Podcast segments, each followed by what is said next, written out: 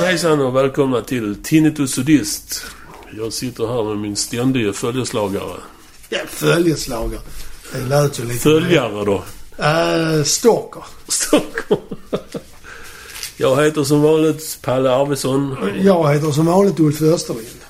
Vi ska idag gå igenom lite mer arty band. Ja, tänkte det ska vi. vi Men först. Precis. Så är det ju så att ni kan lyssna på de band vi pratar om och de låtar.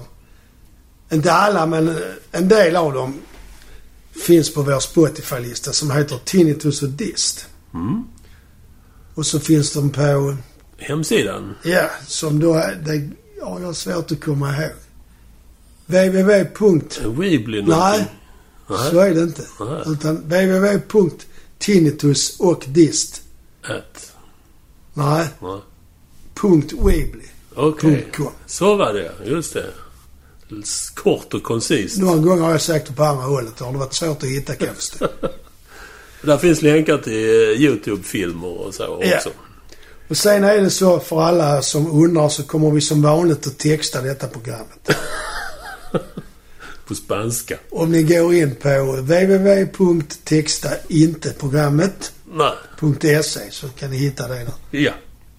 Klart som korvspad. Ja. Vad var det nu vi skulle prata om idag? Jo, som jag nämnde så är det lite mer eh, konstnärliga gubbar vi tänkte gå in på idag. Så du menar alltså att allt det andra vi har pratat om tidigare är inte konst? Nej, det är bara sånt eh, teeny-bopper-pop. Fylleri och tidibopper pop. ja, vi kommer ju tangera min favoritvärld eh, på den tiden. Eh, som ju då var den progressiva symfonirocken som Ulf hatar. Jag hatar är väl att ta i, men jag kan ju säga att jag tycker inte om det. Ännu inte har upptäckt, kan vi Så det säga. är en snyggare omskrivning. det är det. Jag tänkte börja med ett band som låg kanske... Eller ja, mitt emellan rock'n'roll och pop och eh, symfonirock, kan man väl säga. Är det symfonirock? Jag har inte riktigt... Nej, alltså jag säger, bandet är inte symfonirock, men de, är- Jag menar stilen som sådan. de är väl där och nosar kan man tycka. Ja. Ni får tycka vad ni vill. Bandet heter i alla fall 10cc. Och de kommer från Manchester. Om jag är, s- inte är helt fel ute så är 10cc, vilket är lite ekivokt, så håll för öronen nu om ni är rädda för sånt. Är det den mängd som kommer när en man ejakulerar? Men jag är inte helt Ja. säker på det. Jag har inte, har inte haft tillfälle att mäta, så jag vet Nej, jag har inte. läst mig till det. Jag har ju själv mycket mer. Ja, såklart. Gitarrister har alltid mer av allt. Uh, utom pengar. Ja. Oj. Eh, ja. Vi lämnar uh, promiskuiteten därhän och s- kastar oss in i 10cc-världen istället, tycker jag. De, de mutar ju in sin alldeles egna hörna i rockvärlden, får man väl säga. Eh, och det ligger väl, som jag sa i början, egentligen närmare pop om man ska vara riktigt ärlig. Ja, men det är jävligt blandat. Alltså, Ja, ja, jag gillar det. Alltså sinnrika låtar, sköna harmisar. det brukar du gilla. Trots att du är trummis. Ja, jag är lite... Sissifierad. Ja. alltså, Tennessee skulle kunna, i princip kunna slå igenom när som helst, vilken epok som helst. Så tidlöst tycker jag det, deras musik. är. Ja, hade de skrivit de låtarna idag så hade de ju nog arrats annorlunda av andra instrument. Ja, ja. Men de hade nog kunnat få hits ändå. Ja, ja det tror jag. Tror jag. Det, det var ju fyra killar, två läger i bandet. Ett eh, romantiskt läger kan man säga. Det var ju Graham Goldman. Så, eh, Basisten nu. Ja, han, spelade, han är egentligen gitarrist, men han eh, Ja, han blev fick- väl som alla andra basister tvingad att Ja, spela Eh, det bas. är ju ingen annan som ville. Det är som fotbollsmålvakter. Ja, precis. Ja. Och sen har vi då Eric Stewart som också spelar, som spelar gitarr. Eh, Och de två stod för det traditionella, eller logiska tänkandet kan man väl säga. Popsnideriet kan man säga. Snideri, ja, bra ord. Och sen hade vi då den andra fritänkande halvan. Två studionördar. Trummisen Kevin Godley och keyboardisten Lol Cream. De hade ju sina... Deras input var ju djärva och ibland skogstokiga idéer som blev väldigt lyckade. det vi har fått höra. Sen har de kanske... Nej, precis. Det finns 2000 kilometer band som de har bränt. Liksom. Det vet man inte. Men det är ju såklart artistens, vad ska man säga, inte fördel men rätt. Ja. Och ta bort det som Mm. inte blir bra. Så hör man ju bara det som är... Och slår de då Godkänt. igenom så, så ger skivbolaget ut det som outputs. Det är därför de har bränt det kanske. Ja. Om de nu gjorde det. Vad fan heter det? Outtakes heter Outtakes, ja just det. det. Släpper ut all sörja som de har ratat. Det finns Eh, pengar i det ju också. Det Det är är, ju det det handlar om såklart. Det är ungdomsvänner. Allihop. Ja, inte Erik Stewart, han var inte med, men de andra har varit vänner sedan eh, koltåldern. Och eh, ja, det, alltså bandet är fyra utmärkta sångare, fyra utmärkta multiinstrumentalister, fyra låtskrivare, fyra producenter också till och med. Så i bandet, eller kanske därför, så fanns det ju inte någon direkt frontare egentligen. nej, det är nog sant faktiskt. Det är ingen så som man tänker direkt att han liksom. Nej, det gör man inte. Och de hade ingen image heller så direkt. Och eh, de, alltså alla fyra hade haft hyfsade framgångar på 60-talet i olika popband. Mm, Men ja, under pistolet så skulle man kanske ha tvingat bandet ur- Om man tvingar dem, under pistolet menar jag, så hade man kanske valt eh, Graham Goldman som Som frontman. frontar. Mm. Och han var ju den som var... Eh, hade den största framgången på 60-talet. Det eh, blev jag lite förvånad när jag, för det var någon, i något samband jag fick reda på att han hade skrivit låtar åt Yardbirds på 60-talet. Ja, det var det jag hade tänkte ingen på. som helst aning. Nej, det var det jag tänkte på. Det visste inte jag heller. For Your Love och eh, Heart Full of Soul. Ja, det var stora hits med, det var Jeff Beck där på något. Mm. Men det är ju han som har skrivit den. Gold, Graham Goldman. Och även eh, Bus Stop, Hollies. Han Ja, det skrev... känner jag inte igen. Nej, det gör jag inte. Jag är ju, Ba, Bus Stop. alltså, jag är ju enda med Hollis jag kan. Det är ju, He ain't heavy, he's my brother. Det är, det är den jag kan också med Hollis. Ja, just det. De, de hade ju många fler hittar. Ja. Men... Eh, Tyvärr. Och även No Milk Today, den kommer du väl ihåg? Den, eh, för att jag tyckte den var så tönt. Ja. Ja, det var ju ingen... Det var kanske hans första låt. han skrev. Ja, det är ingen aning. Herman's Hermits. Ja, okej. Men grejen med, jag tänkte på det häromdagen, engelska. Det är ju, de var ju rätt fyndiga på det, engelsmännen. Att ta sådana saker som var vanliga i deras vardag. Att mjölkman Ja. kom ju varje dag liksom. Ja. Ja. Och idag kommer han då inte för att han har stuckit med Mick Fjälla. Det är ju jävla fyndigt egentligen. Ja. Och sen är låten töntig. ja, den känns ju inte tung på något Det är ju vis. Zeppelin precis. Ja, det- alltså två huvudläger sa jag. Och, eh, men, och tittar man på lite djupare på musikaliska influenser så får man nog lägga till tre underkategorier. Eh, vi har Graham Goldman som får, man får väl säga är- vara mju- mjukisen i bandet. Han har inspirerats av Burt Bacharach, Buddy Holly, Everly Brothers Ja, okej. Bara vit musik. Ja. Eric Stewart, den andra halvmjuke killen men ändå lite mer rebelliske romantiker. Blues, eh, rock, rhythm and blues hade han influerats av. Och hoppar vi sen in i det vilda lägret Kevin Godley och Lol Cream så... Ja. Jag vet inte riktigt men... Jacques Brel och sån kantig musik. Avantgardist. Så, sånt. Lite mindre poppet och mer svårartat. Ja. Svårtillgängligt. Och det kan man faktiskt höra på vissa låtar eh, på de tidigare skivorna. Där, alltså, det låter som Jacques Brel-låt. Ja, för. Så då har de väl haft, då har de kanske varit själv i studion den Ja, de dagen. andra har varit på loop. Druckit gin och tonic. Men de hade ju mycket gemensamt eh, och det hör man ju också på deras musik. Beatles och Beach Boys. Det, Ja, jag tycker framförallt Eric Stewarts, de låtar han sjunger, de är Ja. ofta lite Beatles ja, känsla i dem. Inte ren Beatles, men man får såna hintar liksom. ja. Och de brukar eh, på sina konserter, eller brukade, göra covers både på Beatles och Beach Boys-låtar. Jag har för mig att de byggde sin studio med pengar de hade tjänat på sina... Ja, De hade varit med och spelat på hits och skrivit hits. Så byggde de studion. precis. Så blev de väl något sånt in-house-band. Blev de inte det? Alltså en fast studio med ett gäng fasta musiker liksom. Eh, ja, de, ja, det, ja, det blev de. de. De hade ju ett band som hette Hot Legs. Som var... En gammal Rod Stewart liksom. Ja, just det.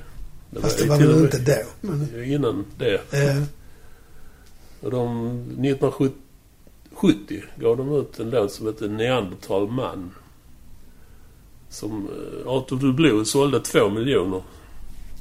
Sådär.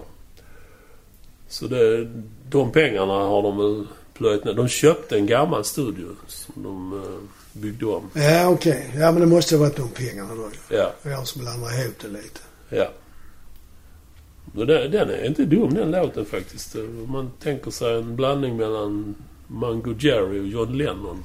Liten kär popdänga sådär. Ja, okej. Men då var inte Graham Goldman med. Så när han kom med då i samband med studion. Och där började de ju att leka med sina älskade grejer. Donna, deras första hit, den kom ju till så. Ja, jag vet inte vilken det är. Just det. De har lyssnat mycket på... Ja, inte, ja doo-wop. eh, Den, den är ju inspirerad av det. Men även Frank Zappa, han gav ut mycket sådana 50-talspastischer då. I början, ja. Ja, så de var inspirerade av det också. Och de spelade in och lekte och hade kul och gav ut den. Och vips så hade Tennessee fått sitt genombrott med Donna. Är det inte lite Oh Darling i den också? Den Jag tycker det, Ja. ja. Ja. Men kom inte den senare? Ja, det vet jag inte. Den är väl på eh, Abbey Road, tror jag. Ja, det måste ha kommit innan. Ja. Ja. Men det är, det är ju också en sån... eh, Vad ska man säga? Pastisch på gammal sån eh, Ja. 50-tals Ja. rock. Absolut. Eller tidig 60-tal kanske. Ja, de fortsatte och snabbt fylldes hitlistorna på med Rubber Bullets, The Dean and I. Tennessee började göra sig ett namn. Definitiva genombrottet kom ju eh, med eh, albumet The Or- Original Soundtrack. 75 kom den. Och där finns ju den absolut största hiten de gjorde, I'm Not In Love. Ja, den är bra. Väl, Där var det inte så där att de... Det var ju körer på den. Där spelade de in en ton på eh, bandarens... Alltså alla tre tog samma ton, eller en stämma på den tonen kanske. Ja, sån dubba. Så spelade de in det på en kanal. Så gjorde de så på 24 kanaler. Och sen när de mixar låten, där är ett parti där, där går röster upp och ner. En sån dream. Ja, en sån sekvens Mm. liksom. Och då är det så att då sitter de och mixar live och för reglagen så, upp och ner. Det är, Ja, det ganska, blir det, ju- är blir som bra. en, det är som en tidig synt blir det ju nästan. Ja. Röst, vok, va, inte vokal, men en form av sampling av röster. liksom. Ja. Och på den tiden eh, hade det ju icke hörts. Nej, det var ju studiotrixande på hög nivå. Mm. Det var det faktiskt. Eh, ja, den här... Alltså, det, ja, det blev en stor succé. I'm not in love. Eh, nummer två i USA lyckades man Det traska är ju upp rätt till. högt faktiskt. Men ändå så etablerades de aldrig riktigt där. I USA. Jag tror de var för udda. Var de inte det? Vet För artsy, inte. liksom. Jag har ingen aning. Och det, troligen så var det början till slutet att de inte slog där som de borde ha gjort. Ja, det var väl managerns fel som vanligt. Ja, vi säger så. Ja, De har ju en del, jag vet inte om du har tänkt komma till det, men jag tänkte på det. De har ju en del r- roliga textrader i låtar. Ja, har de. Dels den då nämnde, The Dean and I. Det är ju... Sen har de ju den Life is a Minestrone. Så jag tycker det är ett suverän låt faktiskt. En Textrad. Life is a Minestrone served, served up with parmesan cheese. That is a cold lasagna suspended in a deep freeze. Du är jävla fyndig på det. Vem skriver om sådana Ja, saker? då. Ja. Men eh, ja, livet var väl inte där och då. Alltså mitten på 70-talet i- för deras del. Det, det började ju gnissla inom bandet. eh, Mellan de här två lägren helt enkelt. Ja, okej. Eh, Stewarts och Goldmans låtar. Det var ju inga problem att spela live. Men eh, däremot eh, Godley and Cream. De trivdes ju bäst att experimentera i studion. och De gillar väl inte att spela live. så Nej, det mycket. kanske inte var deras grej. liksom. Nej.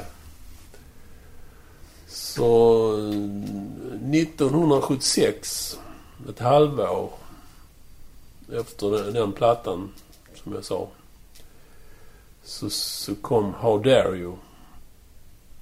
Med, med där arts, arts, art for Art's Sake. ligger Just där.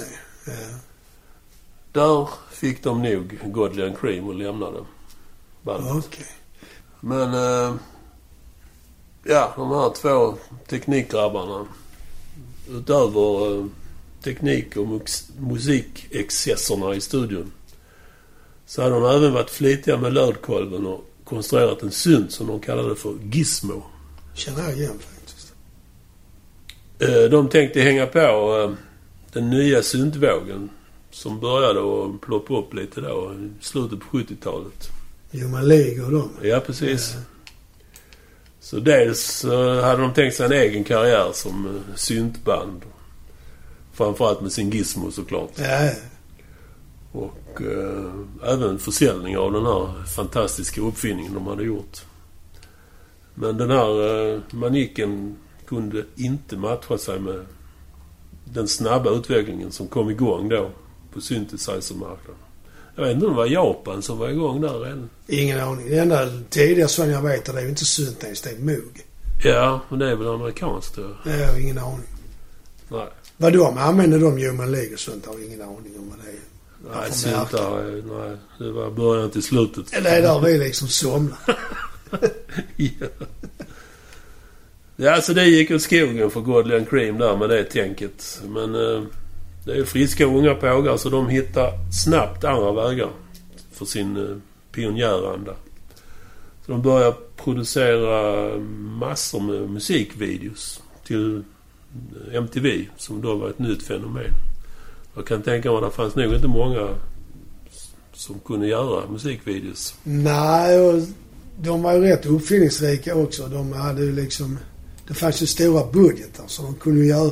Och sen var det ingen som hade koll heller riktigt. Det fanns ingen manual så de kunde göra lite som de Ja, ville. ja. Och det gillar de verkar det som. Ja, och även där var de ju ute i marginalerna med videor som blev bannade och sånt där. Ja, de har ju en där, de var en av de första som hade när ansiktena förändras på... eh, Säg att de har en bild på mig första jag sjunger. Sen så gick den sömlöst över i en bild på dig. Ja, När du sjunger samma låt som i sin tur gick över till någon annan som gick över till någon annan. ja just det. Helt Det- fantastiskt på ja, den tiden. typ. Och det var de, eh, någon av de första man göra. Så de fick ju jättebra Ja, renommé liksom. ja, Och stora pengar att göra videofilmer. ja. Framgång föder framgång. Ja. Kunde de dubbla gaget nästa gång. Ja, och sen så sålde ju... Alltså när videon slog igenom så sålde ju skivbolagen. har ju aldrig mått så bra som under den perioden tror Det tror inte jag heller. jag. MTV-eran där. liksom. Ja, Sen gick det ju neråt, får man ju lugnt säga. definitivt. De är snart nere på vår nivå. Ja, under nästan. Det andra lägret, Stewart och Goldman, de bestämde sig för att fortsätta med TNCC. Och eh, in kommer trummisen Paul Burgess, som egentligen hade varit med sedan 73, för de hade två trummisar på scenen i början. ja, de hade ju han den ene där. Eller var det Lord Cream? Eh, Lord Cream, ja, alltså Paul Burgess. Så han, eh, han var med på nästan alla... Han har också lirat med Camel, Jethro Tull. Så det är ju ingen dununge. Nej, det är det ju inte. Och eh, de tre gjorde då nästa skiva som heter Deceptive Bends 1977. Den Och här är, kommer den du sa, Things We Do For Love. eh, Good Morning Judge också ja, med. den är, jag tyckte den plattan är bra. Ja, ja absolut. Den saknar kanske de här eh, bisarra vändningarna och glimten i ögat. som- Ja, det var lite mer eh, normalt kan man uttrycka det ja. så. Och det var ju också de två normala i Mer som man bandet. förväntar sig att en pla- popplatta ska Ja. låta. Liksom. Ja, Pop och rockplatta. Men det var Ja. bra tycker jag. absolut. Så det, och det gick bra. De, det rullade på alltså. Så s- fram till piken för bandet som man får väl säga var 1978. Dreadlock Holiday. En Graham Goldman-låt tror jag. faktiskt. Ja. Det är den sista stora framgången för NCC. Sen började det hända grejer. Eric Stewart, han var med om en bilolycka 79. Så han var vinklippt eh, drygt ett år. Jaha, okej. Och det blev ju liksom eh, olyckan. Den olyckan blev, den sköt ju slutgiltigt ner till NCC. De gjorde mm, två, tre album till. Krystades fram. Men eh, nej, de återhämtade sig varken kommersiellt eller artistiskt. Där ser man vad det betyder om man är borta en längre tid. Hur länge Mm. var han borta med det här? Ett år ungefär. Ja, just det. Och då i den branschen så hinner det hända så mycket annat Ja. som tar uppmärksamheten bort. liksom. Ja. Det var på den tiden också. Det var ju mycket nya rörelser på gång i början på 80-talet. Eh, Så no- 83, då stängde NCC dörren. ja, okej. när, jag gick i, Tillfälligt ska jag säga. eh, när jag gick i gymnasiet så var de i Malmö Folkspark. Jaså? Med det bandet som jag hade gjort, Deceptive Benz. Ja, ja. Alla, men, eller inte alla, men många av mina klasskompisar gick dit. Men jag gick inte dit och jag vet inte varför. Jag hade kanske inte pengar och så skulle jag träna fotboll. Idrotten har förstört mycket. ja. Framförallt dig. Men de, de gjorde faktiskt en liveplatta också. Ja, de har gjort flera låtar. De är riktigt bra live, tycker jag. Ja, den liveplattan minns jag som att vi tyckte var bra då i gymnasiet. Men om den verkligen var det, det vet jag. Jag har knappt hört den efter det faktiskt. Mm. det kan ju vara bara bilderna som är från konserten. Det vet man ju inte. Nej, så kan det ju också vara. Men Ja, I alla fall så bestämde sig eh, Polygram, skivbolaget, att ge ut en Greatest Hits-platta. S- Slutet på 80-talet är detta. Och det gick så bra med den skivan så att eh, man eh, s- totade ihop ett återföreningsförslag som var alldeles för lockande att säga nej till för samtliga de fyra originalgubbarna. ja, okej. Godley and Cream, de här MTV-framgångsgubbarna, de hade precis slutat att jobba ihop. Och Stewart och Goldman hade inte heller gjort någonting på länge tillsammans. Så de... eh, Eller just det, Godley and Cream, de hade väl fler förpliktelser kvar på sitt skivkontrakt. Som Polygram lovade att lösa om de gjorde den här turnén. Ja, okej. Och de släppte även då eh, ytterligare ett album, Meanwhile, som jag aldrig hört talas om. Inte jag heller. Och det var ingen annan heller på 90-talet. Så Alla var väl grungy Stoneheads på den tiden. Ja, det var Nirvana och sånt som Ja. gällde där. Ja. Guns N' Roses. Och Stewart och Goldman gjorde ytterligare en platta efter det, 95. Det var den definitivt sista. Eller ja, de gjorde den tillsammans men de har inte spelat en ton tillsammans. på Nej, skivan. jag har för mig att Goldman var i trakterna här från innan eh, Corona bröt igenom där. Någon gång den hösten. 2019. Mm, Och då, spä, då var han ju ensam.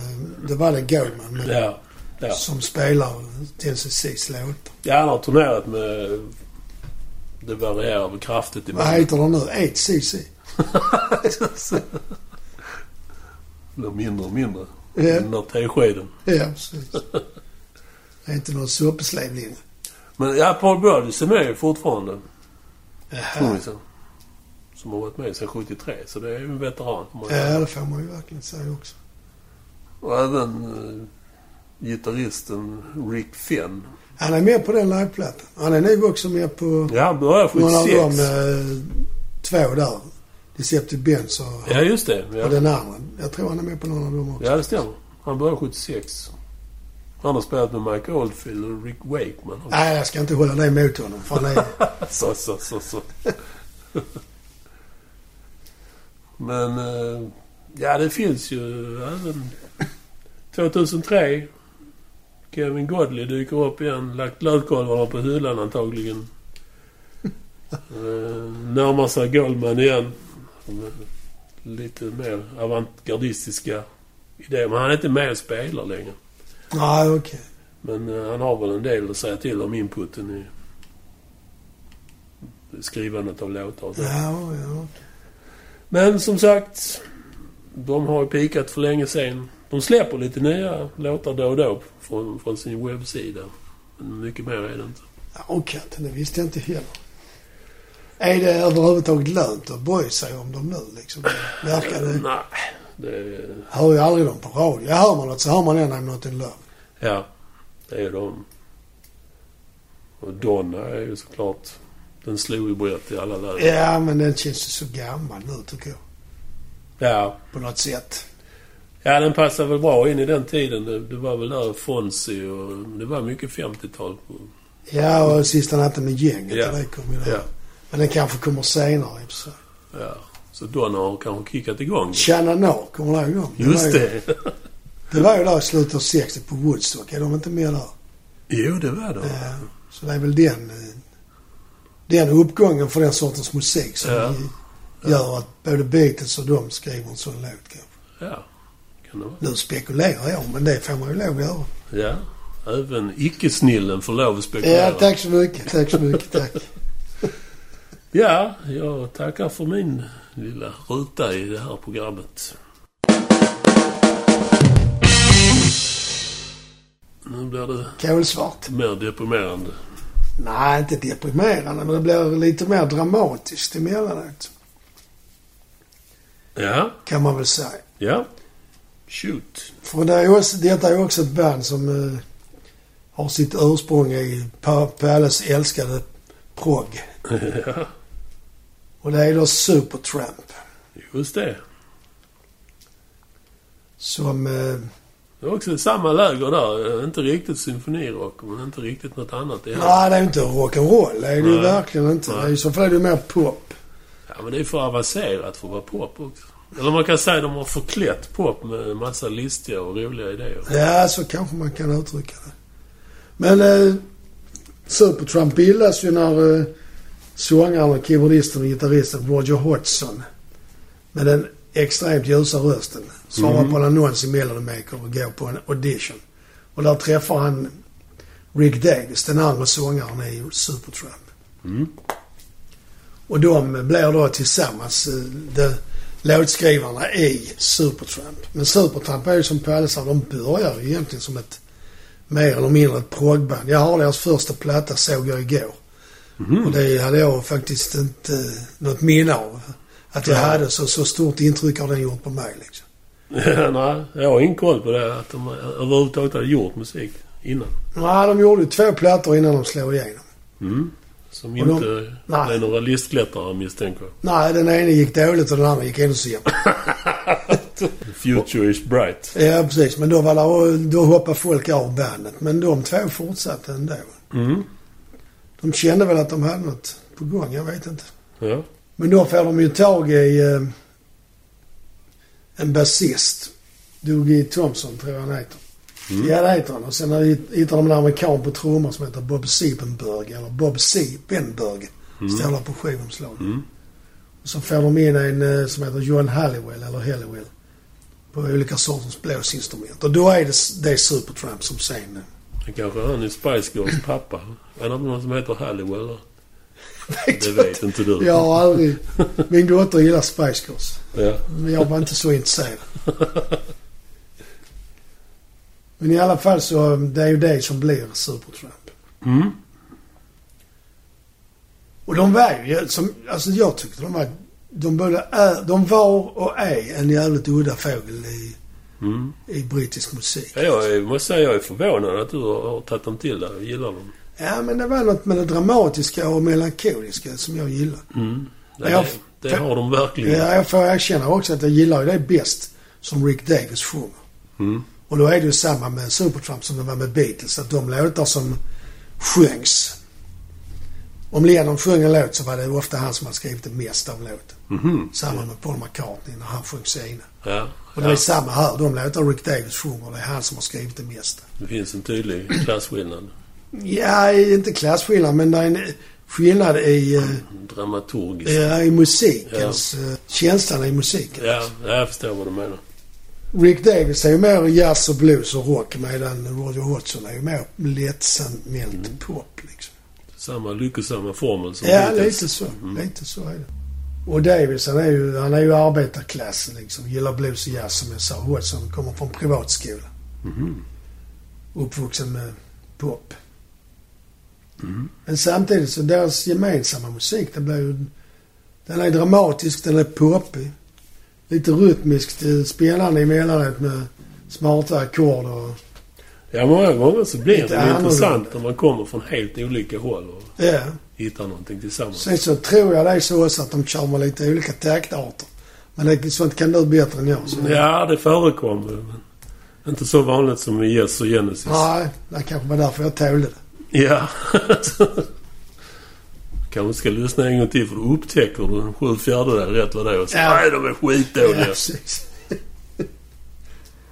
Jag hade en kompis som hatade ACDC över allt annat. Sen ibland när han blev toppad och vi satte på Ja. ACDC. Fan vad bra, vad är detta? Så sa vi, ja det är Oops. ACDC. Skit. Så man kan ju inte ändra sig liksom. Nej, går det ju inte. går inte. Då tappar man sin cred. Ja. Från början var det faktiskt så att eh, Hodgson spelade bas. Men han bytte efter ett tag till gitarr och keyboard. Mm. Och trots att de var rätt olika musikaliskt så blev det ändå en spännande blandning på Mm. något sätt. Ja, I början skrev de allt material ihop men efterhand så blev det mindre och mindre med, av det. Så att de, efterhand som de blev mer och mer ovänner. ja, och mer och mer eh, säkra på sig själv kan man väl tänka också. Ja, ja absolut. Att nu, nu behöver du inte... Lägg dig inte i detta, jag fixar det. Ungefär så. Första plattan släppte de 1970. Det var som jag sa, den fick ingen större respons. Andra 71, ännu mindre. Ja. Sen så... eh, Man kan knäcka den bästa musikern. Ja, men de hade en manager som trodde på dem, så han satsade pengar. När de hade fått ihop det här bandet som jag nämnde med de musikerna, Mm.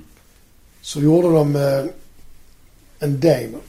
De skrev 48 låtar till Oj. den plattan. Jävlar. Som, och då använde de åtta som, på plattan som heter Crime of the Century. Ja, jävla bra platta. Ja, det tycker jag är den bästa faktiskt av alla deras plattor. Mm.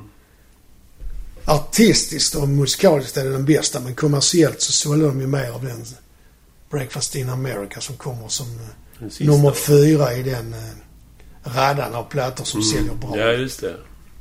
Det är också den epoken där där jag lyssnade på dem. Ja, det var där. Eh, Sen Mm. så efter Breakfast in America så gör de en platta till och sen skiljs de ju åt de två. Mm. För då tycker Hodgson att nu klarar jag mig själv, men det gjorde han ju inte sådär jättebra. Nej. Fick inte jättemånga hits därefter. Han gav väl ut en hel del skivor, men Ja, det gjorde han. inte så mycket väsen om det.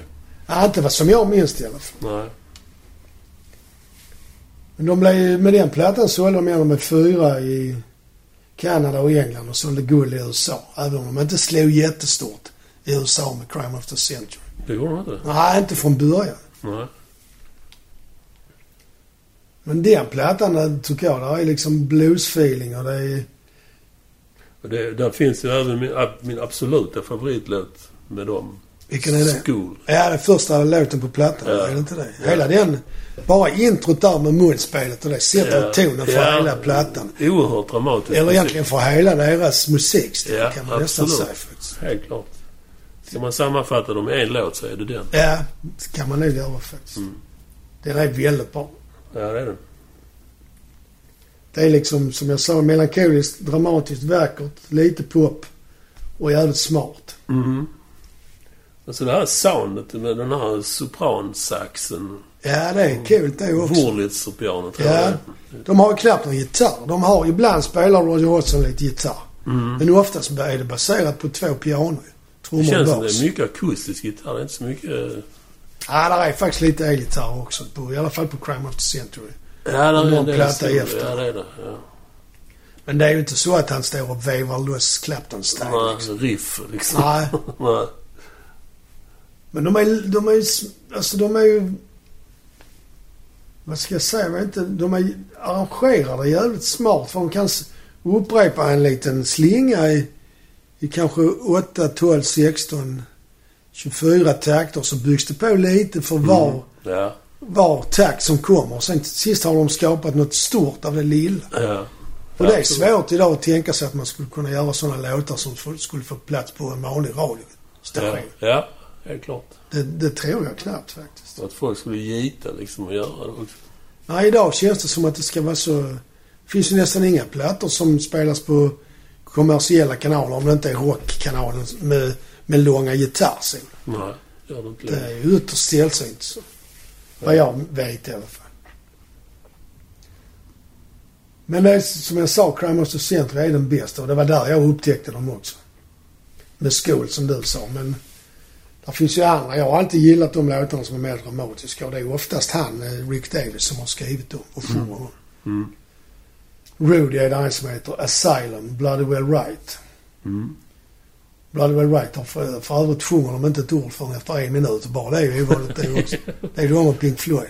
Ja, ja. ja. Shine on your crazy diamond är väl fem minuter innan de sjunger den. ja.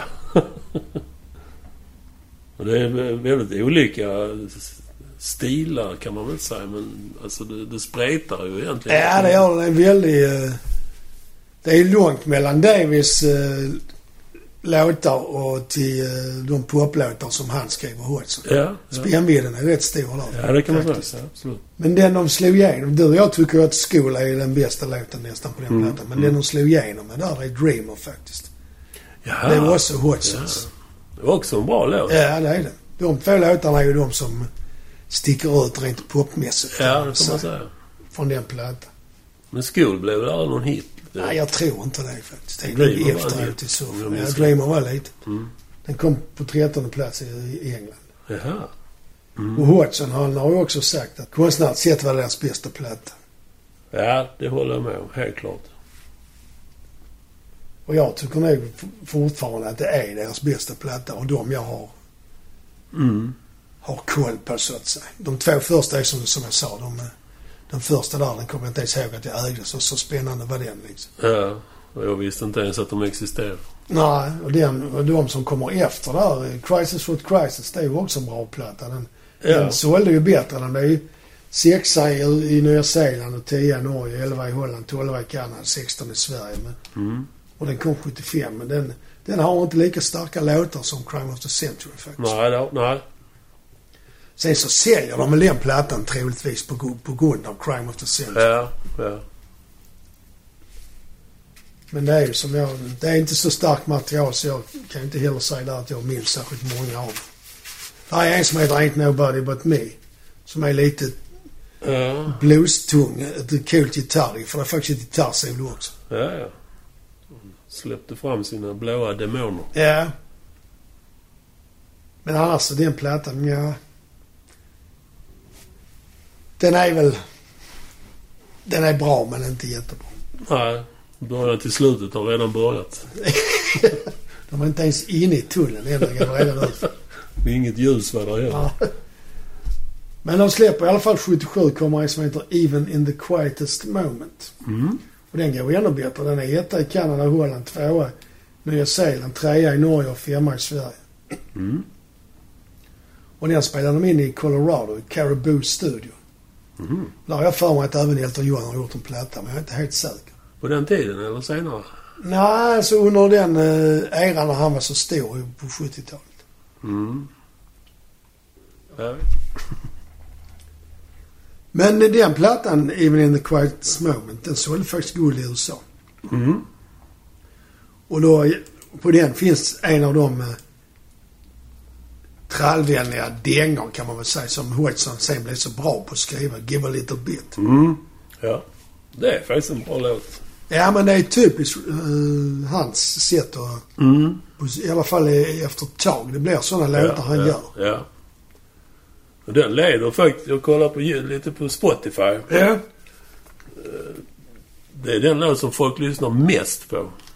Ligger topp med över- eller nästan 200 miljoner lyssningar. 200 miljoner. Det är ju helt fantastiskt. Ja. Hur mycket har han fått för det tror du? 11,50. Ja. I och för sig dollar, men... ja, ja, men det ska man inte förakta. 200 miljoner lyssningar på Spotify. Ja. Är det topp Spotify då alltså? Nej, Eller av deras Top låtar. Supertramp. Ja, okej. Spot- Ja, där finns ju säkert rapartister. som Ja, ser som ut. har mer lyssningar. Ja, det, men det var ju ändå enormt mycket. Ja, det är det. det, är Men det. eftersom jag är lite Kalle Tvärvik så gillar jag en annan låt som heter From Now On bäst. Och Såklart. det är ju Rick, da- Rick Davis låt. Ja, John Lennon-avdelningen. Ja, precis. Men så kommer ju då 79. Mm, big time. Där ser det smack i kassaapparaten när de släpper Breakfast in America. Ja, Den är etta i tio länder, bland annat USA. Tvåa i Sverige. Trea i England.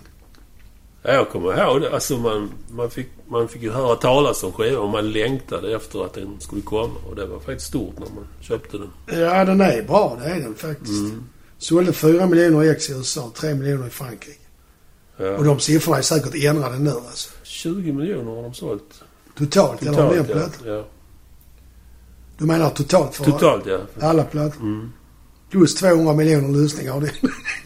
Ja, det är inte där pengarna ligger, men det säger ändå att det finns ja. finns 200 ett miljoner intresse. lyssningar och 20 miljoner sålda plattor. vinylplattor. De fick ju eh, fyra singlar faktiskt på topp 100 i USA från den plattan. Logical Song, va? Ja, den blev sexa. Take the long way home låg tio. Mm. Goodbye Stranger låg, blev 15 och Breakfast in America 62. Det är bara för att de är lokalpatriotiska. Som...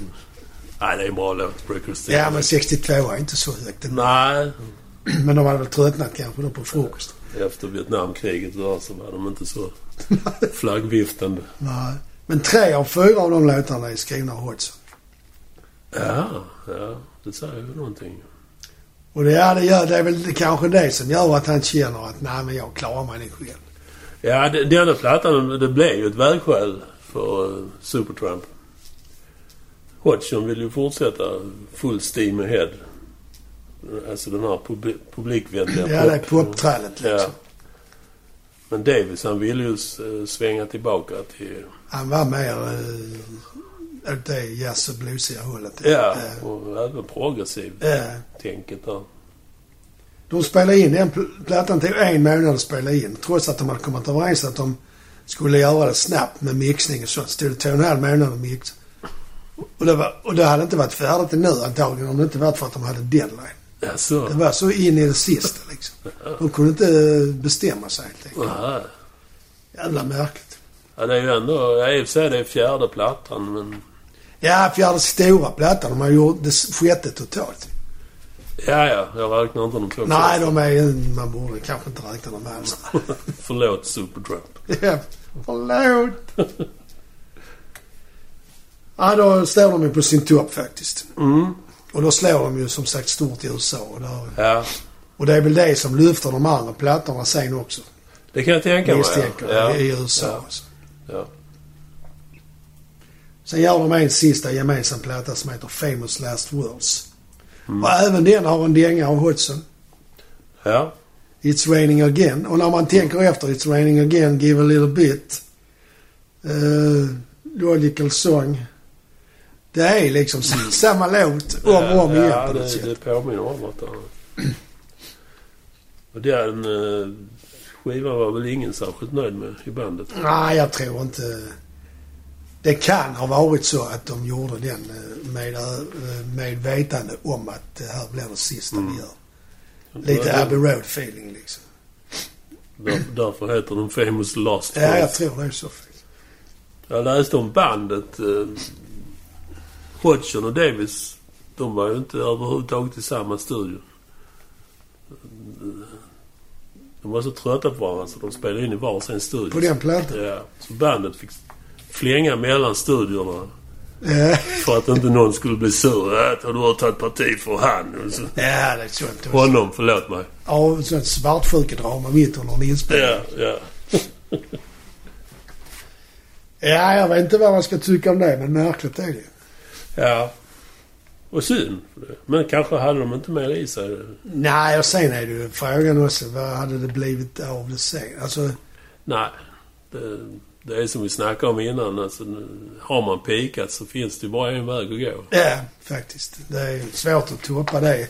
Och det är inte bara det att det är svårt att toppa det, det är ju även svårt att göra något som är lika bra. Mm. Man håller sig där uppe liksom. Ja, jag tänker väl att alla har ju liksom ge- gjort sitt yttersta och gett allt De gjorde ju en liveplatta också. Ja, just det. Vad heter den? Live in Paris? Eller Ja, något sånt. ja jag tror det. Men den är ju helt meningslös för den är ju samma, samma som på studioplattan. Ja, jag såg dem ju 83 på- i, utanför Köpenhamn. Gentofte stadion. Ja. så där. Alltså de spelar på stadion. Ja, det var första gången eh, Gentofte anordnade någon- någonting där. Ja, okej. Så det var rätt... Det var många. Jag kommer jag kommer ihåg Ka- Kasper Winding var spelare där innan. Supertramp var ju... Huvudakt. Ja, såklart. Så det var för mig att David Johansen var där, men jag är inte säker på det. Som, som den här fjanten. Buster Point Extra. Ja, ja. 83. Jag har sett honom på gamla KB under namnet Buster Point Extra. Ja, det, det, det också. Ja, det kan han varit i den vägen. För gamla KB, det är ju gamla KB så att säga. Ja, Eriks Lust. Ja. Mm. För er som inte är från Malmö så ligger alltså KB numera i centrala Malmö, vid, ungefär vid Möllevångstorget. Ja. Men ja, jag säger som jag sa innan att jag, jag kan inte, eller har jag inte sagt, men jag säger nu. Säg det Jag, nu. jag kan inte hitta något band som lät, som, spe, som för den typen av musik vidare. Liksom. Nej, Eller jag vet inget i alla fall, sen kanske det finns men... och det är därför de här två banden passar ihop. För de var udda fåglar båda två. Ja, faktiskt. Tennessee. Men TCC var ju ändå pop på ett annat sätt. Liksom, Ja. som, som ändå finns kvar på något. Men man hör ju direkt eh, när både Tennessee och Supertramp. Man hör direkt. Ja, ja, ja. Supertramp speciellt tycker Ja, Mm. jag. framförallt de. Väldigt egna. Det finns ju poplåtar liksom, så som Hodgson har gjort. Kanske, nej inte ens det. Men den dramatiska som Davis, det kan jag inte hitta någonstans. Nej. Det är märkligt men det är synd. Det är precis som den eh, grenen av musikträdet, den skrumpnar där liksom. Ja. Efter dem. Eller så kanske det dukas fram ett behagligt liv eh, om man har gett vad man hade. Och... Ja, men det är ju den aspekten. Men jag tänker mer på det där med arvtagare liksom. Ja, Att någon som har lyssnat på Supertramp. Åh, vad ja. bra detta är. Vi spelar i den andan ja. liksom. Nej, det, ja, det tror jag- inte vad jag vet i alla fall. Nej, inte, inte jag heller. Men de har ju försökt sig på comeback, även de. Men det har inte gått så bra. Nej. Är det, eh, vem av dem är Ja, Rick Davis han gjorde, de gjorde ju någon platta, eh, under namnet Supertramp? ja, efter, eh, efter ett antal år. Ja. Utan Hodgson. Jag vet inte om de någonsin har spelat ihop igen faktiskt. Men Hodgson har ju åkt runt och spelat Supertramps låtar. Ja. I alla fall den del som är hans egen. Ja. ja. Och vad de andra gör, det vet jag inte. Nej. Sorgligt, men sant. Ja. Och inga skandaler vad det gäller i någon av banden vi hittar. Städade pojkar. Trist, trist. Så eh, nästa gång vi hörs så får vi ha lite mer skandalösa band tycker jag. Ja, det kan vi väl ha. Ja. Ja, men det säger vi vadå? Eh, god Nej, eh, adjö och tack för idag. Adjö och tack för idag. Hej. Hej då.